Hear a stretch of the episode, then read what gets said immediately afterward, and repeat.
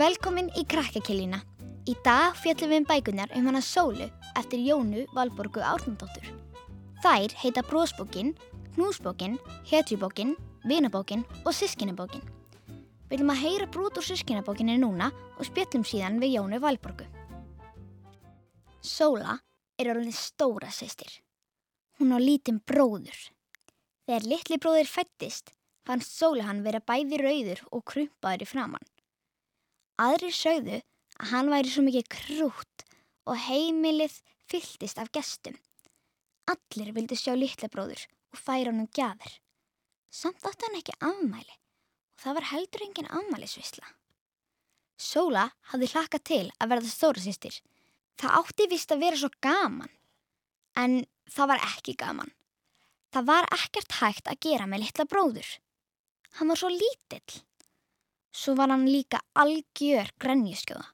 Hann greið þegar hann var svangur, hann greið þegar hann var þreyttur og hann greið þegar hann þurfti nýja bleiu og stundum greið hann bara út af engu, að því bara. Sóla skildi ekki hvernig var hægt að gráta svona mikið. Svo pessaði hann og kúkaði á sig og kunni kvorkið að tala nýja ganga. Mamma sagði að Sóla og litlibróður gætu leikið sér saman þegar hann stækkaði. Sólu fann spiðin erfið. Sóla mátti ekki tala hátt, mátti ekki hlæja, mátti ekki hlaupa inni og alls ekki flauta nýja klappa saman með lófunum. Þá myndi hún veki litlabróður og hann fara að gráta. Sóli langaði ekki að eiga hennan litla bróður. Þessa grenju skjóðu sem ekkert gagg var að. Hún óskaði sér þess að allt er þeins gott og áður. Dag einn ákveður Sóla að grípa til sinna ráða. Hún ætlar að skila litla bróður.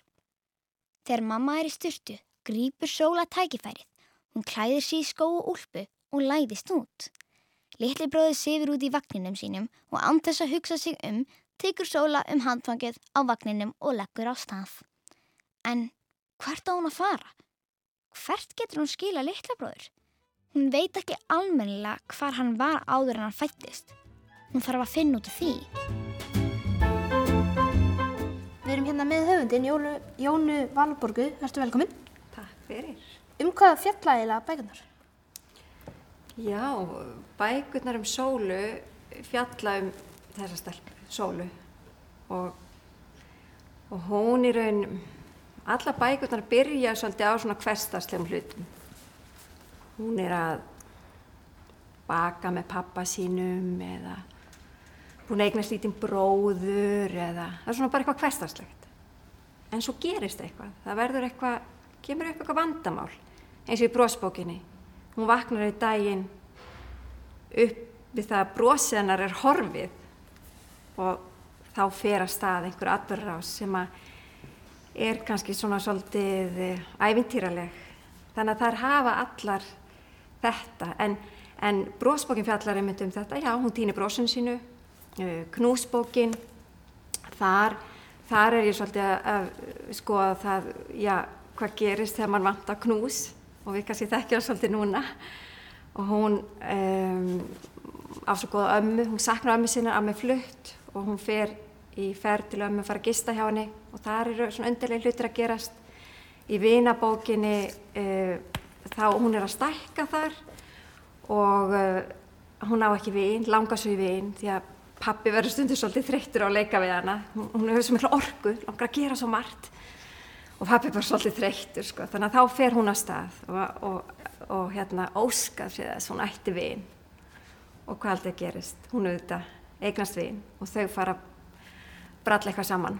Og svo í hetjubókinni já þá uh, er Sóla byrja í skóla og hún uh, þarf að fá glerögu því hún sér svo illa töfluna. Þá fer hún að efast um sjálfa sig og þá fer ævintýra að hefjast. Hún er svona ó, verður óörug hvað ætli krökkunum finnist um mig því ég mæti í skólan með glerögu hún verður að vera svona fyrir að verða ofur meðvituð og, eh, og síðan í sískinabókinni að þá er hún búin að eignast lítinn bróður og hafði hlakkað mikið til og allir búin að segja oh, það verður æðist þetta að vera stóra sýstir en svo er þetta læti honum. Hann hérna tekur alltaf aðtiklana frá foreldrónum og, og hún þarf að finna út í því hvað hún á að gera. Og henni dettur þá í huga bara skilunum og þetta er ekki alveg hvað hann var en hún þarf að finna út í því. Þannig að hún leggur að stað sko. það er alltaf eitthvað, hún, svona, ah, það, hún er stendur fram fyrir ykkur vandamáli.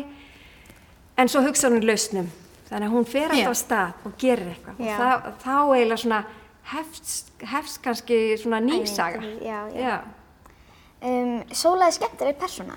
Viltu segja okkur eitthvað frá henni og á hún okkur fyrirmynd? Já, á hún einhverja fyrirmynd? Það er góð spurning. Já, ég, kannski á hún bara margar fyrirmyndir. Ég, mér, mér þykir alltaf svo væntu þá eins og þú segir líka Sóla er skemmtileg persóna. Ég veit að hún, það eru, hún á marga aðdáðandur, það eru margar hrifnar Sólu og ég held að sé vegna þess að kannski finnum við öll bara eitthvað í Sólu í okkur öllum. Hún er hugmyndarík, hún er eins og ég sagði áðan svona lausnamiðuð, Uh, hún er ekki fullkomin, hún getur mist stjórnarskapi sínu en svo lærir hún þetta að jafna sig. Hún er bara, hún er mannleg eins og við öll. En ég, því þú spurði fyrirmynd, að þá náttúrulega kviknaði um, hugmyndin af brósbókinni, fyrstu bókinni, þegar að ég var á ferðalagi með börni mín þrjú, sem er náttúrulega stóri í dag, en, en strákurinn minn sem var þá fjagur ára, að hann að mála segja að hann hafi týnt brósinu sínu og þá kviknaði hugmyndin. Og kannski bara fyrirmyndin svolítið öll börni mín. Það er svona já, en hugmyndin kviknaði þannig að ég fór að reyna að hressa hann við þegar að við vorum á ferðalagi Já. og ég lít svona aftur í bílinn og sé að hann er bara komið skeifu og, og þá langar með eitthvað að hann. En við vorum öll fest í, í, í bílbelti og það var ekki þetta að taka hann upp eða gera eitthvað skemmtilegt. Allir út að hlaupa, það var ekki hægt. Þannig ég þurfti að, mér fannst ég þurfa að bregða leik og fer þá að segja þetta. Hvað hva er, hva er brosið? Þetta á gólfi, það í soknuðinum? Fór út um glugga? Og eitthvað svona, honum fannst þetta búið að fyndi, það var reyna að vera í fílu það þekki þetta ekki, maður Já. alveg að reyna að vera í fílu en, en samt og erfitt með að halda skeifinni og þá kviknaði svolítið hugmyndin ah, hvernig væri að skrifa bók um bros sem getur bara hlaupið á, á brott En hvernig færðu hugmynd að nýri bók? Ég kannski bara með að vera svolítið vakandi fyrir því sem er að gerast í kringum mig.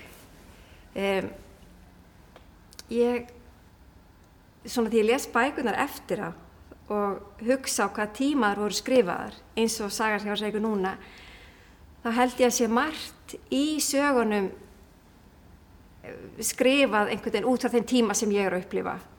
Eins og til dæmis í knúsbókinu, þá er mamman rosalega upptikinn, hún er enga tíma fyrir stelpuna sína, hún er, hún er í tölvunni, hún er að vinna, hún er í símanum og, og var að lita sig og þannig að ég þurfti að vera líka svolítið vakandi fyrir því hvernig ég væri, hvernig, hvernig samskipti vil ég eiga við börni mín, þegar þau eru svo, að mér börn eru oft svo, þau eru svo aðtugul, þau eru að benda á eitthvað, neysi steinin og þau eru svona, þau eru ekki svo mikið að flýta sér eins og, eins og mér finnst stundu við fullorða fólkið og ég held ég sé líka svolítið að vinna með það, ég er svolítið að skrifa út frá því hvernig við erum bara í okkar daglega lífi og hvað við getum svolítið lært af krökkum. En finnst þér mikilvægt að hafa fallegan bóðskap í bókunum? Já, finnst það mikilvægt en ég, ég held ég vinni ekki, það, það sé ekki fyrsta eh, hvötin að skrifa og, og vera með eitthvað fallegan boðskap. Kannski er höfundur alltaf að vinna líka bara út frá sínum gildum en það er boðskapur í bókunum, það er alveg rétt. Allar bækunar enda spurningu eins og brósbókin, hvað ger þú þú týnir brósinniðinu? Og nú langar mér voða mikið að spurja ykkur. hvað gerir þið? Ég veit það ekki. Það gerir ég, ég einhvern veginn reynir bara alltaf að ríða mig upp úr því sko. Já, Já. ég líka. Reynir ekki að halda mig í fílu lengi sko, það er mjög leðilegt. Við höfum einhverja leiðir, eða ekki?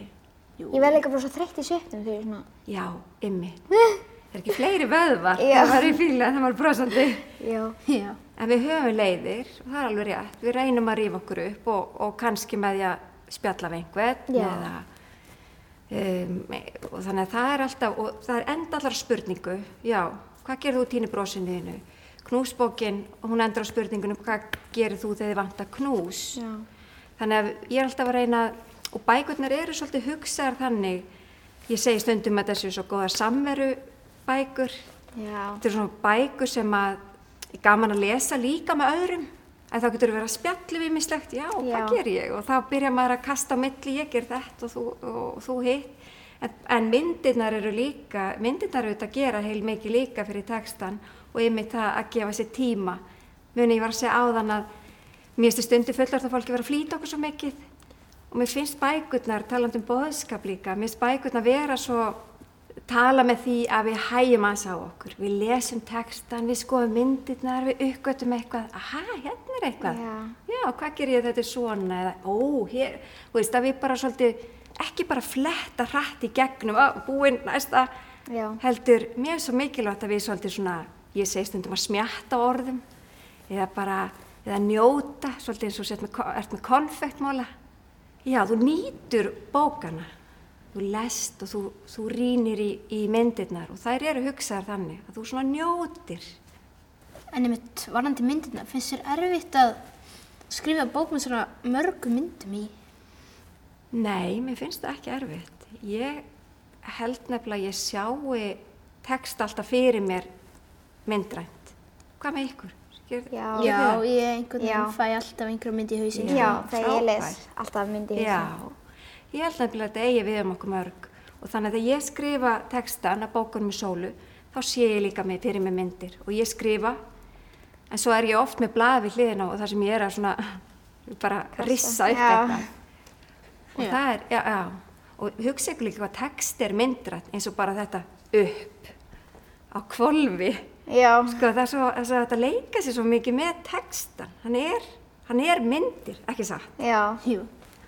já. En viltu segja eitthvað meira á myndunum? Hver teiknaði myndin? Já, Elsa Nílsen, hún er grafiskur hönnur og myndlistakona og við erum góða vinkonur. Við unnum eins og saman á auðlýsingarstofu. Og þegar að hugmyndin á brósbókin kviknaði þá var ég með dögst að býtu hvernig á ég að fá til að myndskreita. Nú er talað um að myndlýsa. Og þá dætt mér fyrst í huga Elsa og ég ringdi í hann og spurði hana hvernig, hvernig þetta er að myndskreita batnabók? Jú, hún var alveg til í það. Og þannig bara hófst okkar samstarf. Og hún uh, tekur í raun bara við textanum og svo svona hérna krassblöðum frá mér eða myndlýsingum og, og svo gerir hún eitthvað við þetta og hún er raun hannar þessa bækur þannig að útlitið er, er hennar og hennar hönnun og hafið tekið eftir til þess að sjáu prjónakjólinn sem að sólar í þetta, þetta er sko, þetta er ljósmynd. Og ef þið til dæmis skoðu, sjáu þetta teppi. líka? Já, skemmtilegt. Ég er svo hrifin af þessu. Þetta, þetta. já, úlfurinn. Já, og litirnir og krónun. já, hún notar eins og maður sér stundum með bakgrunnum svona eins og eldúspappír hún notar sko þannig að það verður svona maður langar að koma við það. Svo hára á mömmunni, maður langar eiginlega að strjúka það. Já. þannig að það er svo já, Lítur út svo tré. akkurat mér finnst þetta svo skemmtilegt Já, mjög. Það er mjög skemmtilegt, sko. Já, sjáðu í fjólubláa litin, þetta er bara eins og, og eldúspappir fjólubláar, þið sjáðu hann er svona, já, maður langar svolítið að, er það ekki, að snerta á honum. Já. Já, þetta er mjög sniðið. En það, ég kannski segi okkur því að því að nú er ég að horfa á kórónuna, voruð búin að taka eftir því að það er falin kóróna á hverju opnu. Öllu blaðsíðu. Mm, Já, ég mitt las hana fyrir sýstu mína og ég fattaði leikinn, sko. Ég sagði, Já. getur fundið Já. korninu hverju opnu. Já, frábært, það er hún gaman að ég að leita. Já. Já. Hún hefði gaman að því, sko. Já, það er svo skemmtilegt er mjög nefnilega. skemmtilegt. Já. En voruð þið búin að fatta að það er sko vísun í ævintýrin, eða vísun, það eru personur úr ævintýrunum. Voruð þið búin að taka eftir því? Það? Já, það er einu uppgötunin, já. En það kemur hvergi fram í texta. Það Personur er personur á æventyrinum í... Eins og til dæmis að hugsið um Rauðat Úlfin. Já.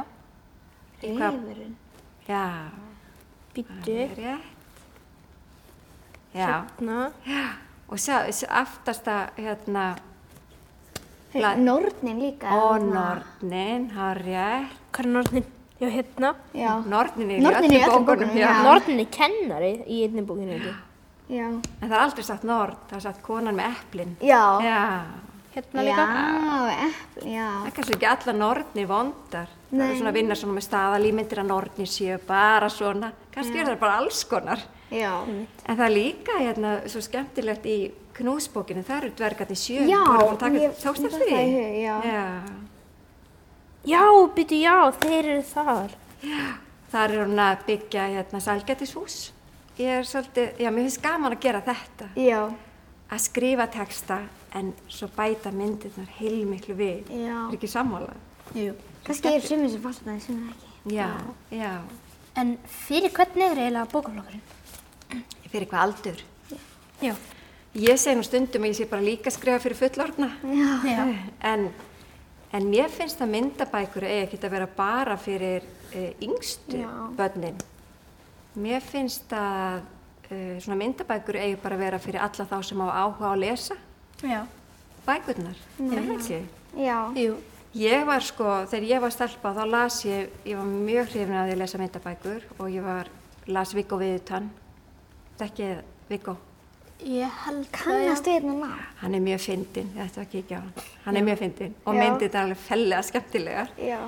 Og hérna, uh, og svo líka hinn fjögur fræknu og ég las Andrisblöðin Já. og mjög hrifin að lesa þetta. Já, Ég er einmitt að lesa þau núna, sko. Ég, já, Andrés.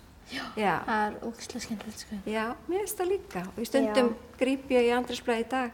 Maður þarf ekki að hætta, er það nokkuð? Þegar maður er komin á ákveðin aldur, Nei. Nei. það hættir maður ekki bara að gera sem mann finnst skemmtilegt. Mamma lesa hvað maður vil. Já, ég er sammála. Stundum hef ég heyrt nefnilega að uh, krakkar sé að svona bera sér saman, sko. Uh, bóki sem ég lest er 200 blaðsjur Já. og þá finnst Ég er þeim... með 500. Já, einmitt, hefur, já, kannistu við svona?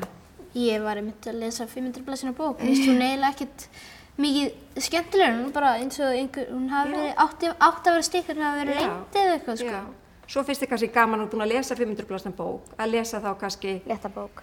aðra bók eða andrisblæði, eitthvað sem er aðeins öðruvísi og fara leið svo... að ég var búið með 500 blaðsina bók, þá fór ég að lesa þetta fyrir sýstu mína og Já, svo fór ég einhverjur 200 blaðsina bækur og svo aftur í svona léttar og já, bækur